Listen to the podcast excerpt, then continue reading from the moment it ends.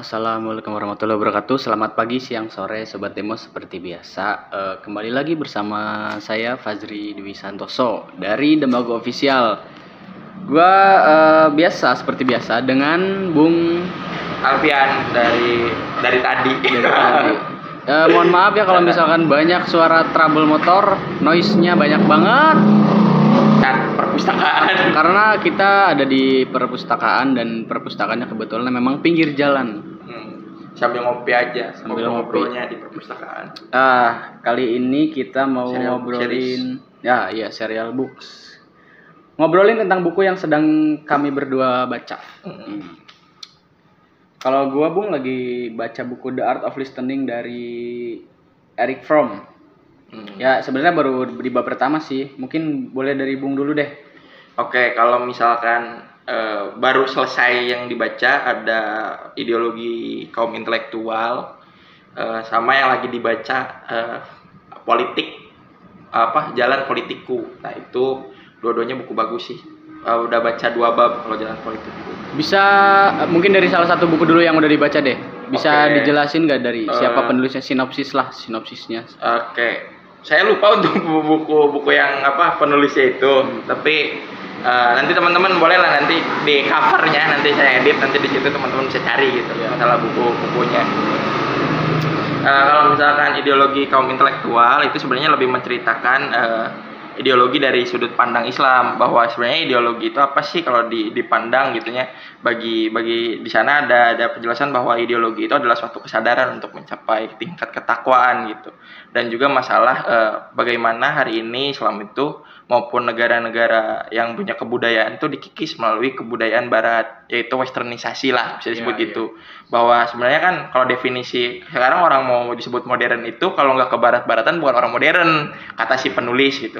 Yang pada akhirnya eh, si penulis me- menggagas gitu bahwa kebudayaan dan juga ideologi kaum intelektual adalah masalah eh, pemahaman eh, yang ada di diri dia sendiri soal memaknai eh, keadaan sosial yang dia eh, tempati gitu. Misalkan eh, Afrika eh, bukan saya Syiah ya maksudnya di situ ada salah satunya adalah Syiahisme Syiahisme di sana atau eh, kaum Syiah eh, Syiah Islam di sana eh, mereka tahu bahwa westernisasi atau kebudayaan barat yang mengikis mereka itu kayak itu sebenarnya adalah untuk menghilangkan jati diri beliau gitu jati Ya. diri bangsa tersebut gitu. Yang pada akhirnya mereka membuat bagaimana caranya untuk mempertahankan jati diri itu adalah dengan eh, eh, adakan perkumpulan tetap menye- eh, apa membangun kebudayaan kebudayaan Afrika yang tetap dipertahankan gitu. Dan juga eh, hebatnya mereka membuat eh, suatu hal gagasan produk-produk pemikiran yang berupa ketika ada acara-acara kegiatan agama yang dialihkan biayanya. Jadi eh, misalkan tahun misalkan lebaran. Lebaran itu kan eh, istilahnya konsumtif banget dan beli wajib baru dan sebagainya. Mereka rubah budaya itu untuk membuka donasi untuk masalah eh, untuk beasiswa gitu-gitu. Dan itu adalah salah satu contoh yang menurut saya baik untuk membangun peradaban. Karena setelah membangun kebudayaan peradaban pun akan bertumbuh gitu. Oh, intinya buku itu menjelaskan soal itu gitu. Soal masalah membangun ideologi yang sebenarnya kebudayaan sama masalah peradaban. Oh, jadi mungkin yang dijelaskan di dalam buku tersebut eh, untuk membangun suatu peradaban harus dimulai dari eh, penanaman ideologi gitu. ya penanaman ideologi atas kesadaran sebenarnya ideologi itu kan kalau misalkan komunisme mutlak dan sebagainya tapi kalau misalkan di sudut pandang eh, si penulis itu ideologi itu adalah sistem nilai yang kamu percayai di lingkungan tersebut gitu gitu Jadi mungkin eh, supaya ideologinya itu mudah dipahami dan mudah diterapkan oleh masyarakat setempat. Hmm, karena kan kalau kita ngomongin masalah ideologi bagusnya dari buku itunya adalah bagaimana eh, seseorang misalkan orang Indonesia ya jadi orang Indonesia gitu ya eh, misalkan motor mobil itu hanya untuk mem- mem- mempermudah aja bukan untuk dijadikan disebut budaya konsumtif untuk disebut lebih modern lebih keren dan sebagainya itu kan hari ini terjadi di lingkungan kita seperti itu gitu Dan- Ber- Iya, berarti membangun pemahaman, mem- Membangun pemahaman yang pemahaman sebenarnya. Makanya kan kalau di situ dia mengutip salah satu sosial sosiolog seperti Max Weber. Max Weber kan eh, dikutip dari buku tersebut itu Max Weber menyatakan, kamu ambil orang Afrika untuk sekolahkan Amerika, konsumsi budaya Amerika dan sebagainya, pas pulang dia akan menjadi orang Amerika, bukan orang Afrika, karena dia sudah mengkonsumsi kebudayaan di sana. Yang pada akhirnya kebudayaan Afrikanya akan dia bilang akan dia tolak. Gitu. Itu itu yang pada akhirnya menjelaskan bahwa westernisasi hari ini disebut keren gara-gara seperti itu. Gitu. berarti itu masuknya uh, ke sisi negatif atau sisi positif kalau menurut saya ketika orang itu sudah menolak kebudayaan yang ada di daerahnya gitu ya dan setelah menjadi seseorang yang berbeda gitu pas pulang menurut saya ada suatu impact negatif karena akan mengikis uh, hal-hal yang berbau lokal nanti di diri dia. Kayak misalnya orang yang nggak pakai jas di Afrika gitu misalkan. Karena itu pakainya sudut pandangnya Afrika sama Iran yeah. di di buku itu uh, misalkan orang yang sudah mengkonsumsi budaya Barat ketika pulang itu tidak mau menggunakan baju lokal lagi dianggap bahwa itu uh, kurang keren dan sebagainya. Yang pada akhirnya itu pun kan uh, mengikis gitu masalah kebudayaan yang ada yang sejatinya mereka punya dan juga meningkatkan budaya apa uh, konsum konsum konsumtivitas di sana gitu masalah budaya konsumtifnya. Kayak misalkan gini kenapa uh, ada salah satu perusahaan perusahaan mobil uh, saya lupa di buku itu ada dijelaskan bahwa perusahaan mobil tersebut gitu uh, kenapa harus mem mempunyai sosiolog dan psikolog untuk menyebarkan barangnya di di, di Afrika karena uh, sebelumnya Afrika itu hanya ingin menggunakan kuda tidak mau menggunakan mobil yang pada akhirnya perlu psikolog dan uh, apa uh, sosiolog untuk membaca situasi sosialnya untuk uh, mobil itu laku dijual dan kebudayaannya pun iya. terkikis yeah. gitu dan pada akhirnya kan itu yang menjadi miris karena hal-hal yang tadinya uh, sifatnya uh, punya ciri khas dari bangsa masing-masing ini dikikis melalui hal-hal yang tadi yang digeserkan dengan kebudayaan-kebudayaan barat yang dianggap harus karena kan psikolog itu menjual bahwa dengan menggunakan ini uh, kamu akan lebih modern dengan kata-kata itu. Maka anggapan masyarakat dengan menggunakan mobil lebih modern dibanding menggunakan kuda kuda.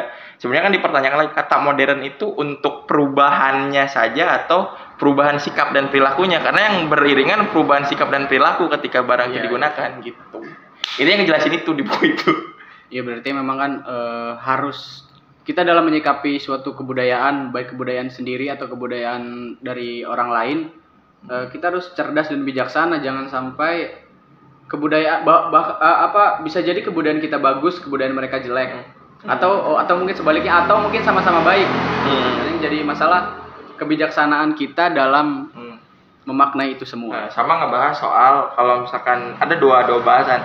Tadi soal kebudayaan, terus juga yang masalah uh, di bab tersebut ada nastapa kaum tertindas sama kaum ulul albab. Di sini itu menjelaskan soal uh, bagaimana generasi Islam gitunya di masa kemasannya itu seperti apa. Itu banyak contoh-contohnya misalkan uh, dari Nabi Ibrahim sampai Nabi Nabi Muhammad itu bahwa pergerakan-pergerakan itu sebenarnya kalau mau ada gerakan perubahan bukan dari pejabatnya, bukan dari pejabat publik, bukan dari politisi, tapi dengan dengan adanya kaum intelektual ada di tengah masyarakat untuk membantu dan membangun peradaban gitu. Nabi Muhammad juga kan ada di tengah-tengah umatnya untuk ikut bergerak gitu untuk yeah. membangun peradaban gitu. Nah itu itu yang digambarkan di buku itu gitu. Misalkan kayak uh, Nabi Musa, Nabi Musa pun ada di tengah-tengah umatnya untuk berperang gitu yang pada akhirnya bisa melakukan perubahan dan Firaun pun kalah gitu kan.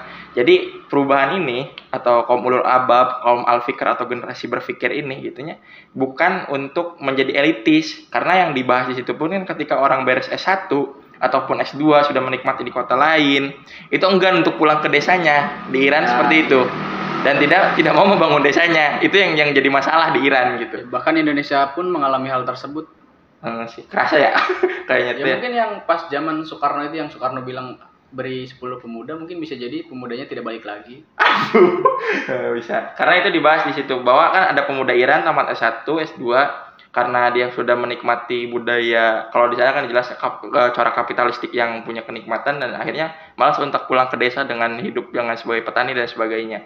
Yang pada akhirnya gagal untuk membangun desa. Sebenarnya kan dia S1 harusnya membangun desanya karena dia besar di sana gitu. Ya, yang dibahas bahas di buku itu seperti itu gitu. Menggambarkan itu. Dan kaum intelektual pun bukan hanya duduk ongkang-ongkang penelitian dan lupa untuk kegiatan sosial dan membangun di tengah masyarakatnya. Itu yang terjadi gitu dibahas di buku itu gitu. Kalau nestapa kaum tertindas mah itu adalah lebih jelasnya adalah uh, penulis mengungkapkan bahwa uh, apa bagaimana kaum tertindas bisa berubah adalah dengan kaum tertindas ini ya bersatu dan berkumpul di tengah uh, hantaman kap sistem kapitalistik hari ini yeah, gitu. Yeah cara kapitalistik ini dengan kaum intelektual bersatu untuk uh, sama-sama membangun pola pikirnya gitu untuk belajar nih ini ini ini. Karena kan uh, kenapa ada kata nastapa kaum tertindas sebenarnya lebih menggambarkan uh, kaum kaum Afrika di situ. Yang kaum Afrika ini oleh kaum kulit putih dianggap bahwa mereka itu nggak boleh punya kebudayaan. Karena kebudayaan mereka adalah jadi budak katanya. Gitu. Padahal uh, sebagai non sebagai manusia yang dirahmati Tuhan gitu. Setiap orang tuh berhak untuk menikmati dan punya ciri khas masing-masing gitu. uh, iya sih benar-benar. Uh, gue mau nanya sih sebenarnya. Uh, kalau misalkan kita lihat dari studi kasus Afrika relevan gak sih kalau uh, dengan kondisi Indonesia?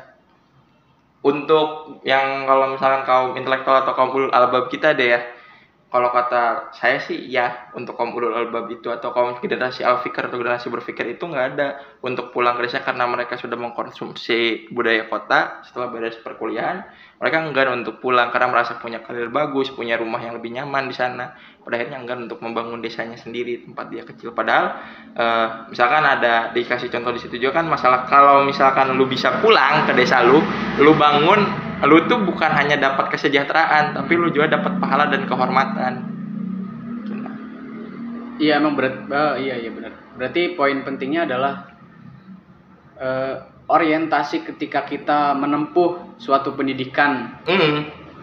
Kita berangkat dari desa menuju ke kota, menempuh pendidikan yang tinggi. Mm. Setelah itu kita mau apa kan? Berarti itu pertanyaan. Ya, pertanyaannya pertanyaan itu, apakah berpendidikan hanya untuk uang setelahnya dan menikmati hidup mewah tanpa memikirkan orang yang ada di sekitar misalnya? Itu kan yang jadi PR di Iran dulu gitu. Yang sampai di buku itu dijelaskan bahwa uh, sampai ada pemuda desa yang melupakan desanya sendiri hanya untuk uh, dia bisa kerja di suatu hal misalkan sudah kerja di suatu hal perusahaan yang sudah enak yang padahal enggan pulang untuk membangun gitu padahal kalau misalkan dia bisa pulang dan membangun di sana bisa mesejahterakan masyarakat juga gitu itu poin plusnya bukan hanya soal uangnya tapi adalah masalah eh, bermanfaat tidak kamu untuk orang banyak tapi ya emang sih kita selalu dibenturkan dengan suatu realita.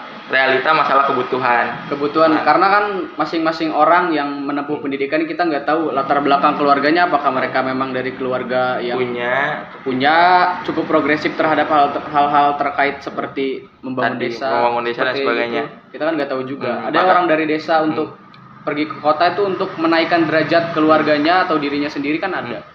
Nah, dari dari sana saya belajar masalah apa masalah sebenarnya kan yang harusnya di share seorang pemimpin itu kalau di sana kan dijelaskan para nabi dan sebagainya gitu ya.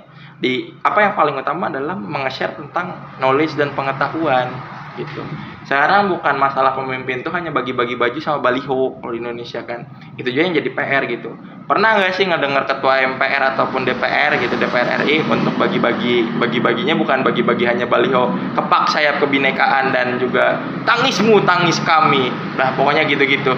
Yang kami butuhkan tuh bukan itu tapi ibu datang ke kami share pemikiran ibu kasih kami gagasan biar kami bisa melaksanakan gagasan itu entah itu untuk ekor ekonomi masyarakat dan sebagainya. Yeah, yeah Uh, di sana pun dijelaskan masalah pemimpin itu yaitu bagi pikiran bukan hanya uh, membagi suatu nilai mata uang karena mata uang itu pada akhirnya bisa habis gitu begitu saja. Tapi dengan ibu memberikan gagasan ke kami Nabi Muhammad itu memberikan gagasan besar soal kemanusiaan gitu. Kamu membunuh manusia sama dengan kamu membunuh umat manusia di muka bumi ini. Gagasan besarnya di situ ada kemanusiaan gitu pemimpin memberi itu gitu memberikan gagasan-gagasan tersebut tentang humanisme yang ada gitu.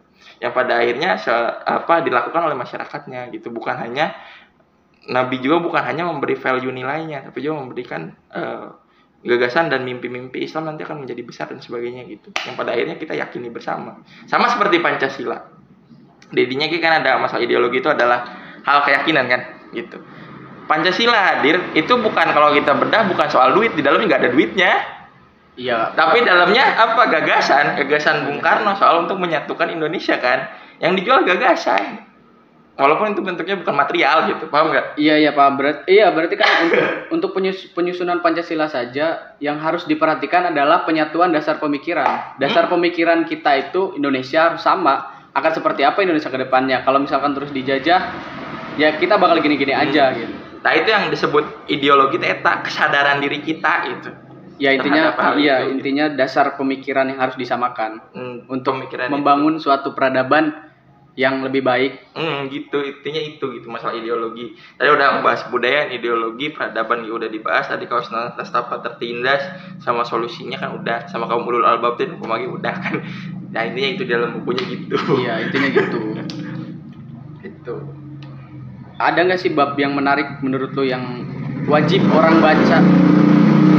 Biasa guys lagi nongkrong perpustakaan sambil ngopi ya gini. Eh, agak sedikit buat. Ya balik lagi, ada nggak sih salah satu bab yang menurut lu penting untuk diketahui oleh calon pembaca nanti? Ya tadi ulul albab terus eh, modernisasi itu ada bab modernisasi modernisasi itu adalah westernisasi atau eh, apa dipertanyakan lagi nanti sama si penulis apakah eh, modern itu harus ke barat-baratan atau Iya. ke timur-timuran atau kita menggunakan jati diri bangsa kita gitu. Iran bisa sukses sampai hari ini. Mereka pakai jati diri mereka gitu. Setelah eh, diti- diinjak oleh westernisasi eh, dipitnah lah dengan punya nuklir yang pada akhirnya minyaknya diserap dan ke barat-baratan yang pada akhirnya berubah lagi ke situasi Iran yang lama gitu. Dan sekarang bisa kita tahu Iran sangat besar gitu Iran memberikan contoh gambaran itu gitu di di situ. Dan bagaimana kaum al-fikar atau generasi berpikirnya ikut bergerak di masyarakat di tengah masyarakat. Terus juga eh, nastapa di modernisasi tadi yang mempertanyakan lagi masalah modernisasi dan sebagainya. Kalau di kebudayaan menurut saya itu banyaklah dibahas buku-buku lain gitu. Banyak juga yang ngebahas kebudayaan gitu ya itu dua tadi yang bikin saya eh, nggak bosan untuk ngulang baca buku itu gitu dan itu udah buku udah udah dibaca ulang-ulang bab itu gitu dan itu seru banget. Jadi gue narik kesimpulan sedikit, eh, berarti menurut gue pribadi ya ini pendapat opini lah. Hmm. Yang dikatakan sebagai modern itu bukan dari gaya hidupnya, bukan kan? tapi dari segi pemikirannya, apakah dia cerdas dalam berpikir Hmm. atau dan bijaksana atau enggak? Ya, kalau misalkan dari Bapak Kepanduan Indonesia kita tahu Hamengkubuwono ke-9 dalam bukunya Api apa Api Republik pernah bilang, kamu harus eh, thinking apa? Thinking globally, action to locally. Artinya thinking kamu harus apa berpikir kamu harus mendunia tapi sikap kamu harus tetap eh, melokal gitu, merakyat gitu. Karena dengan kamu mengikis eh, lokalnya kamu gitu, kelokalan kamu, kamu akan apa? eh, sama dengan kamu akan masuk ke dunia mereka gitu. Kamu akan sama seperti mereka gitu. Yang pada akhirnya kamu bukan lagi seorang orang Jawa, tapi kamu adalah orang Jawa yang menjadi barat. Iya, iya. Paham gak maksud Paham, itu? paham, paham. Itu itu yang digagas oleh Bapak Kepanduan kita gitu. Itu ada di Api Republik, saya ingat karena itu keren banget kata-katanya quotes-nya. Berarti memang luar biasa ya tokoh-tokoh perjuangan di Indonesia itu Hmm. pemikirannya lebih modern. Iya, itu think kata-kata modern tadi, thinking globally, action to locally. Jadi lebih bisa membaca situasi hari ini untuk eh, kepentingan di masa yang akan datang lah Hmm, gitu. Itu keren banget guys. Tapi eh, buku itu sekedar buat informasi aja ke yang lain gitu. Buku itu tuh sulit nggak sih untuk dipahami? Dari penulisan katanya, dari pembahasannya. Lebih enjoy dibanding baca kalau misalkan teman-teman tahu ada buku ideologi dunia eh, dari Isanuddin Kristeva kalau ideologi dunia itu sulit banget buat di, di- dibaca. Tapi kalau dengan ideologi intelektual ini lebih lebih mudah bahasanya karena pakai bahasa sehari-hari.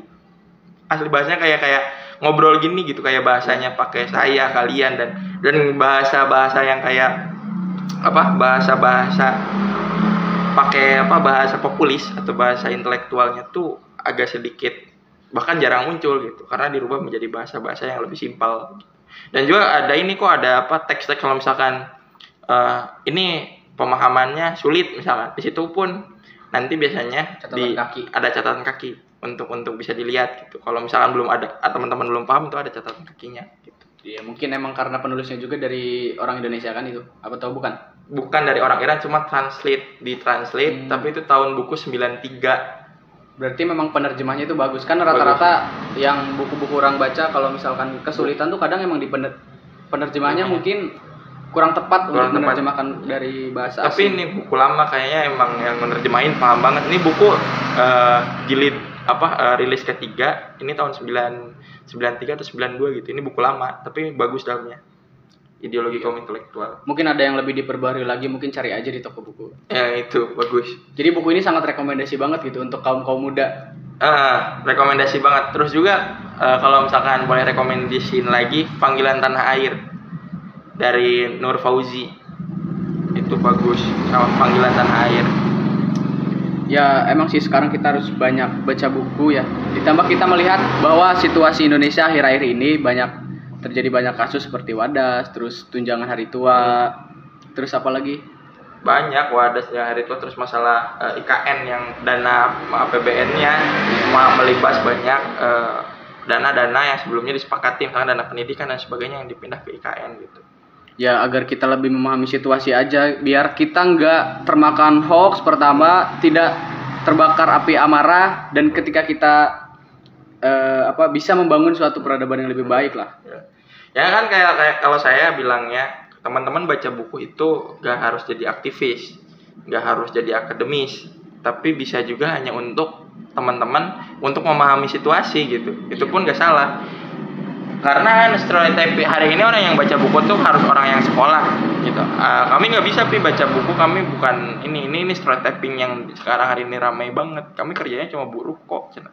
Udah nggak penting, yang penting mah uang. Hal-hal pikiran-pikiran kayak gitu harus di, dikesampingkan gitu karena untuk membangun peradaban ya kita perlu baca buku itu supaya teman-teman pun bisa sadar masalah eh, hal-hal yang ada di sekitar kejadian-kejadian sosial. Ya emang eh, supaya kita juga lebih bisa menentukan langkah kita. Kalau misalnya kita Hmm. lihat situasi sedang kacau kayak gini, ya langkah langkah kita sebagai masyarakat kita bakal tahu gitu untuk Apa apa yang akan apa. kita lakukan. Jadi kita nggak terus-terusan bergantung. Hmm. Karena sejarah itu dipelajari, ya dunia mah akan tetap berkutat dengan sejarah. Itu deh itu deh gimana kejadiannya, cuma situasi dan waktunya aja yang berbeda, gitu kan. Makanya tuh yang suka malas di kelas sejarah ataupun apa ini biar tahu aja gitu bahwa sejarah itu penting buat kalian. Penting banget. Soalnya kan ada anak-anak yang kayak apa yang sih belajar sejarah cuma mau mau apa eh, cuma cerita aja kok kita malas banget dengerinnya. Banyak yang kayak gitu. Seperti Tenry Bito yang sangat ketakutan terhadap Ma Marga D. Oh, gede. Iya. Itu Tanggung ke One Piece guys. Sangat ditakuti oleh Tenry Bito dan pemerintahan dunia Karena tahu sejarahnya. karena tahu sejarah. Ya, dia tahu sejarah. Eh, nah mungkin Bung Pajri nih kan tadi kalau nggak salah Bung Pajri itu sebenarnya bacanya bukan hanya itu, termasuk baca juga nalar politik Kante ya. Iya politik rente itu. Banyak juga. Sebenarnya kalau saya tuh baca buku eh, loncat-loncat, kadang buku satu belum tamat udah pindah ke buku lain karena sudah bosan. Hmm. Jadi jarang sekali eh, saya pribadi baca buku sampai tamat. Hmm. Kecuali mungkin novel yang seru kayak Lautan Bercerita, terus eh Laut Bercerita, terus eh, Pulang itu tamat. Dari bukunya Muhtar Lubis juga ada. eh, Cantik masih- itu luka gitu bagus tuh. Cantik itu luka tamat tuh orang baca. Keren eta novelnya. Teman-teman belum baca rekomendasi banget cantik itu luka itu nyeritain trivia non eh, komunisme, sejarah Indonesia, Tapi lebih ke humanistik sih. humanistik tentang kemanusiaan dan juga oh, pokoknya seru banget lah. Bisnya kalau novel diceritain sama kita tuh takut spoiler. Iya spoiler. Betul banget. Kalau nar- nalar politik tuh sebenarnya belum tamat sih, baru sampai pertengahan. Itu emang ngebahas budaya politik Indonesia sebenarnya yang ditulis oleh Dan- Daniel Azhar. Budaya ya seperti yang pernah orang jelasin tentang budaya kepartaian. Hmm. Makanya makanya ketika masuk pemerintahan, Aduh, aduh, gak apa-apa lah santai. bentar guys, Ada ada sedikit kerusuhan. Oke, balik lagi guys. Tadi ada trouble, gelas pecah. Biasa. Jadi tadi nyampe mana pembahasannya eh, buku, Buku nal- nalar eh politik nal- rente ya, eh. politik rente yaitu kebudayaan partai yang sangat menurut orang sangat tidak baik. Karena untuk masuk ke partai itu kan susah. Hmm. Untuk duduk di kursi pemerintahan, Hmm. Jabatan struktural pejabat publik lah. iya. Jadi kalau misalkan gambaran gambaran kasar gini lah, kalau misalkan kita mau masuk kita masuk partai mau duduk di parlemen misalkan DPR itu selalu meng- mengeluarkan modal yang tidak sedikit. Jadi ketika masuk di dalam parlemen Dari untung. ada mikir untuk balik modal.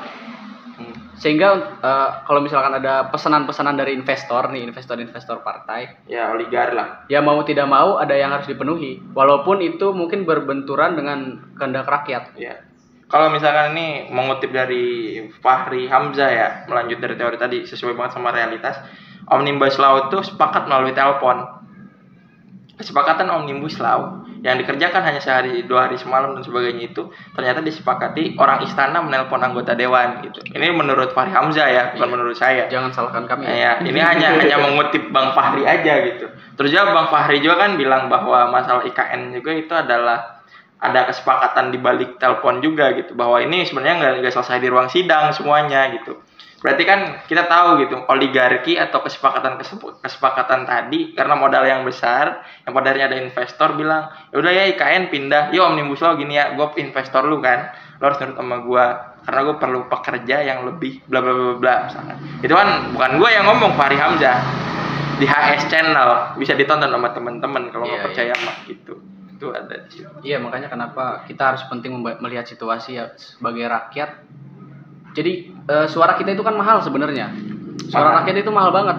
hmm tapi ada loh ada satu ini yang keren waktu itu ada yang Gak bilang bentar aman gak nih? aman Wow. ini kata orang soalnya ada satu satu politisi kata temen uh, uh, bilang gini ke, dia suara rakyat tuh lebih murah dibanding kopi Starbucks yang dia beli berarti lebih murah lah karena satu suara itu cuma gocap katanya Nah ya itu makanya kita sebagai sebagai masyarakat pentingnya untuk mengetahui hal tersebut supaya kita lebih berhati-hati ketika kita akan memilih wakil-wakil kita. iya karena hal-hal yang kayak gitu yang pada akhirnya mereka bilang ya mereka tidak menganggap kita kenapa karena kita dianggap value-nya tidak semarah kok semahal kopi mereka dan sebagainya gitu Iya agar kita berlebih bertanggung jawab lah untuk memberikan suara kita karena kan berharga banget. Toh kalau misalkan pemerintahannya tidak benar, yang repot kan kita kita juga. Bisa jadi pajak naik mungkin beberapa tahun ke depan kan kita nggak tahu. iya Atau banyak biaya-biaya yang harus kita keluarkan. Hmm. Kayak misalkan tunjangan hari tua aja kan itu kan jadi permasalahan juga bagi buruh terutama ya. Hmm. Buruh yang notabene kontrak apalagi. Hmm, dikencet oleh omnibus law dikencet juga sama masalah tunjangan hari tuanya juga dan yang lainnya teman-teman. apalagi Jri lagi baca apa lagi Kayaknya dibaca buku Eric Fromm sih karena kan saya belajar psikologi jadi ya pengen baca-baca aja gitu. Hmm. Sebenarnya baru baru bab pertama. Ini buku yang saya beli sekitar dua tahun yang lalu. Awal-awal Covid lah 2020. Beli di Berdikar Ibu. seru seru dalamnya Ya baru, baru pendahuluan sih. Seru banget. Ini ngobrolin tentang eh, perilaku masyarakat juga. asik Cuman belum tamat jadi mungkin saya nggak bisa ngejelasin lebih panjang. Yang tadi nalar politik dulu lah. Ya, Gambaran kasarnya itu buku bagus banget sih. Nalar politik untuk dibaca. contoh studi kasusnya langsung dari Indonesia ya apa gimana itu buku Iya emang itu nyok ngambil kasusnya dari eh, untuk di bab pertama itu ngambil kasusnya dari yang Banten permasalahan Banten gubernur yang perempuan tuh siapa namanya ya lupa. Hmm, pokoknya itulah yang katanya Pokoknya- dinasti. Jadi emang lebih rinci dijelaskannya di dalam buku itu. Ada ada data statistik juga tentang kan itu ngobrolin tentang APBN yang dikorup eh APBN apa? APBD APBD yang dikorup. Terus sistem kepartaian. Bagaimana sistem kepartaian di Indonesia? Oh iya Bung Jo pernah nanya tuh soal sistem kepartaian. Yang tanyain ke saya ya setelah baca buku itu yang Bung nanya ke saya soal eh, sebenarnya keterbukaan keuangan partai waktu itu. tanyainnya Ya itu di nalar politik juga dijelasin ini eh, sebenarnya di partai di Indonesia tuh ada nggak sih untuk keterbukaan transparansi dari dana partai investornya siapa aja memberikan dana sebesar apa Hmm. Ya itu juga jadi inilah. Hari ini pun jadi banyak PR-nya, apalagi dengan adanya presidensial threshold kalau dibahas juga itu panjang. Kenapa calonnya langsung dua tidak tiga empat? kan ada seleksi Itu yang yang pada akhirnya juga saya tentang. Karena sudah me- me- membaca apa politik politik putih atau politik bayat rakyat. Itu di situ dijelasin. Sebenarnya presidensial threshold nyambung ke bukunya ini mau nyambung ke buku banyak nih sebenarnya. Ya tapi covernya yang tadi intinya aja ya. Cuma nyambung dikit-dikit. Masalah presidensial threshold itu sebenarnya eh, naif egoistik antar eh, egoistik antar partai gitu. Ego ego partai aja untuk eh, menghalangi calon independen untuk maju. Gitu. karena pada akhirnya nggak bisa calon independen untuk maju karena tidak mungkin menembus 20% gitu. Jadi mereka ya, karena modalnya akan gede untuk mengumpulkan KTP masyarakat Indonesia yang 20% nya masyarakat Indonesia berapa anjir? Sok ya. 200 du- 220 juta jiwa misalkan 20% lah baraha. Iya 20 20 juta lah. 20 juta ke 20 jutaan lah gitu kan dia harus ke sana ke sini ngumpulin KTP fotokopi KTP modalnya bapak gede banget. Iya itu kan salah juga. itu pertama itu untuk menghalangi calon independen maju. Di buku itu dijelasin. Terus yang kedua adalah untuk eh, pada akhirnya orang-orang yang suaranya besar yang berasal dari aktivis tidak masuk. Itu banyak yang kayak gitu. Saya lupa namanya siapa. Di tahun 2014 atau 2009 itu ada anggota dewan suaranya paling tinggi dari aktivis. Dia nggak bisa masuk untuk jadi anggota dewan karena dia calon independen eh, dia partainya itu partai aktivis lah ya. Banyak teman aktivis. Dia ranking satu sedunia suara eh sedunia se Indonesia gitu. Dia nggak bisa kenapa? Karena teman-temannya nggak ada yang masuk. Jadi nggak masuk 20% bayangin udah menang satu Indonesia Raya bisa tetap kalah gara-gara thresholdnya padahal paling besar sih Indonesia. Ya nggak tahu lah itu urusan-urusan para petinggi. itu kan maksudnya itu yang digambarkan di buku itu bahwa threshold itu nggak sehatnya apa ketika ada yang dianggap calonnya bagus rankingnya satu eh, bahkan nilainya banyak gitu eh, suaranya. Bisa kalah gara-gara teman-temannya nggak masuk. Padahal dia satu orang pun bisa ngalahin satu gedung parlemen untuk berdebat gitu karena dia punya pemikiran gitu banyak lah pokoknya kalau presiden threshold banyak ba- ba- ini banget apa eh, panjang banget kalau dibahas Itu mungkin bisa dilihat di YouTube aja. Banyak pernah, pernah juga dibahas di LC kan. Sama Rocky Gerung banyak sama Fahri Hamzah pernah dibahas juga dan lain sebagainya. gitu. Iya. Apalagi tuh, apalagi ya buku yang dibahas ya. Apalagi tuh dari politik Ondi yang dibahas. Bro. Udah mungkin eh, kita akhiri dulu aja karena takut kepanjangan. Nanti Kita itu bahas berapa lagi. menit ya? Udah setengah jam sih ngobrol. Satu lah satu buku lagi udah. Buku. Rekomendasi panggilan tanah air itu cocok banget buat yang teman-teman aktivis eh, masalah ngerebutin tanah konflik ataupun apa itu rekomendasi karena itu menjelaskan soal masalah corak kapitalistik politik terbuka Indonesia yang pada akhirnya mengikis kebudayaan terus masalah tanah dan juga masalah ekologi di dalamnya Jangan disebut aktivis lah karena terlalu elit. Enggak, saya lebih, sebenarnya eh, teman-teman aktivis itu kenapa saya bilang aktivis kan mereka yang mengklaim biasanya teman-teman aktivis.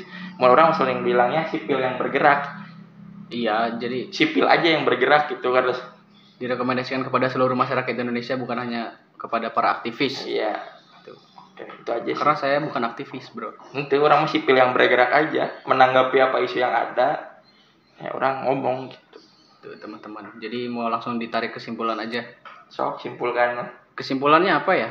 dari mana? Ya, kesimpulannya adalah membaca buku itu adalah hal yang penting.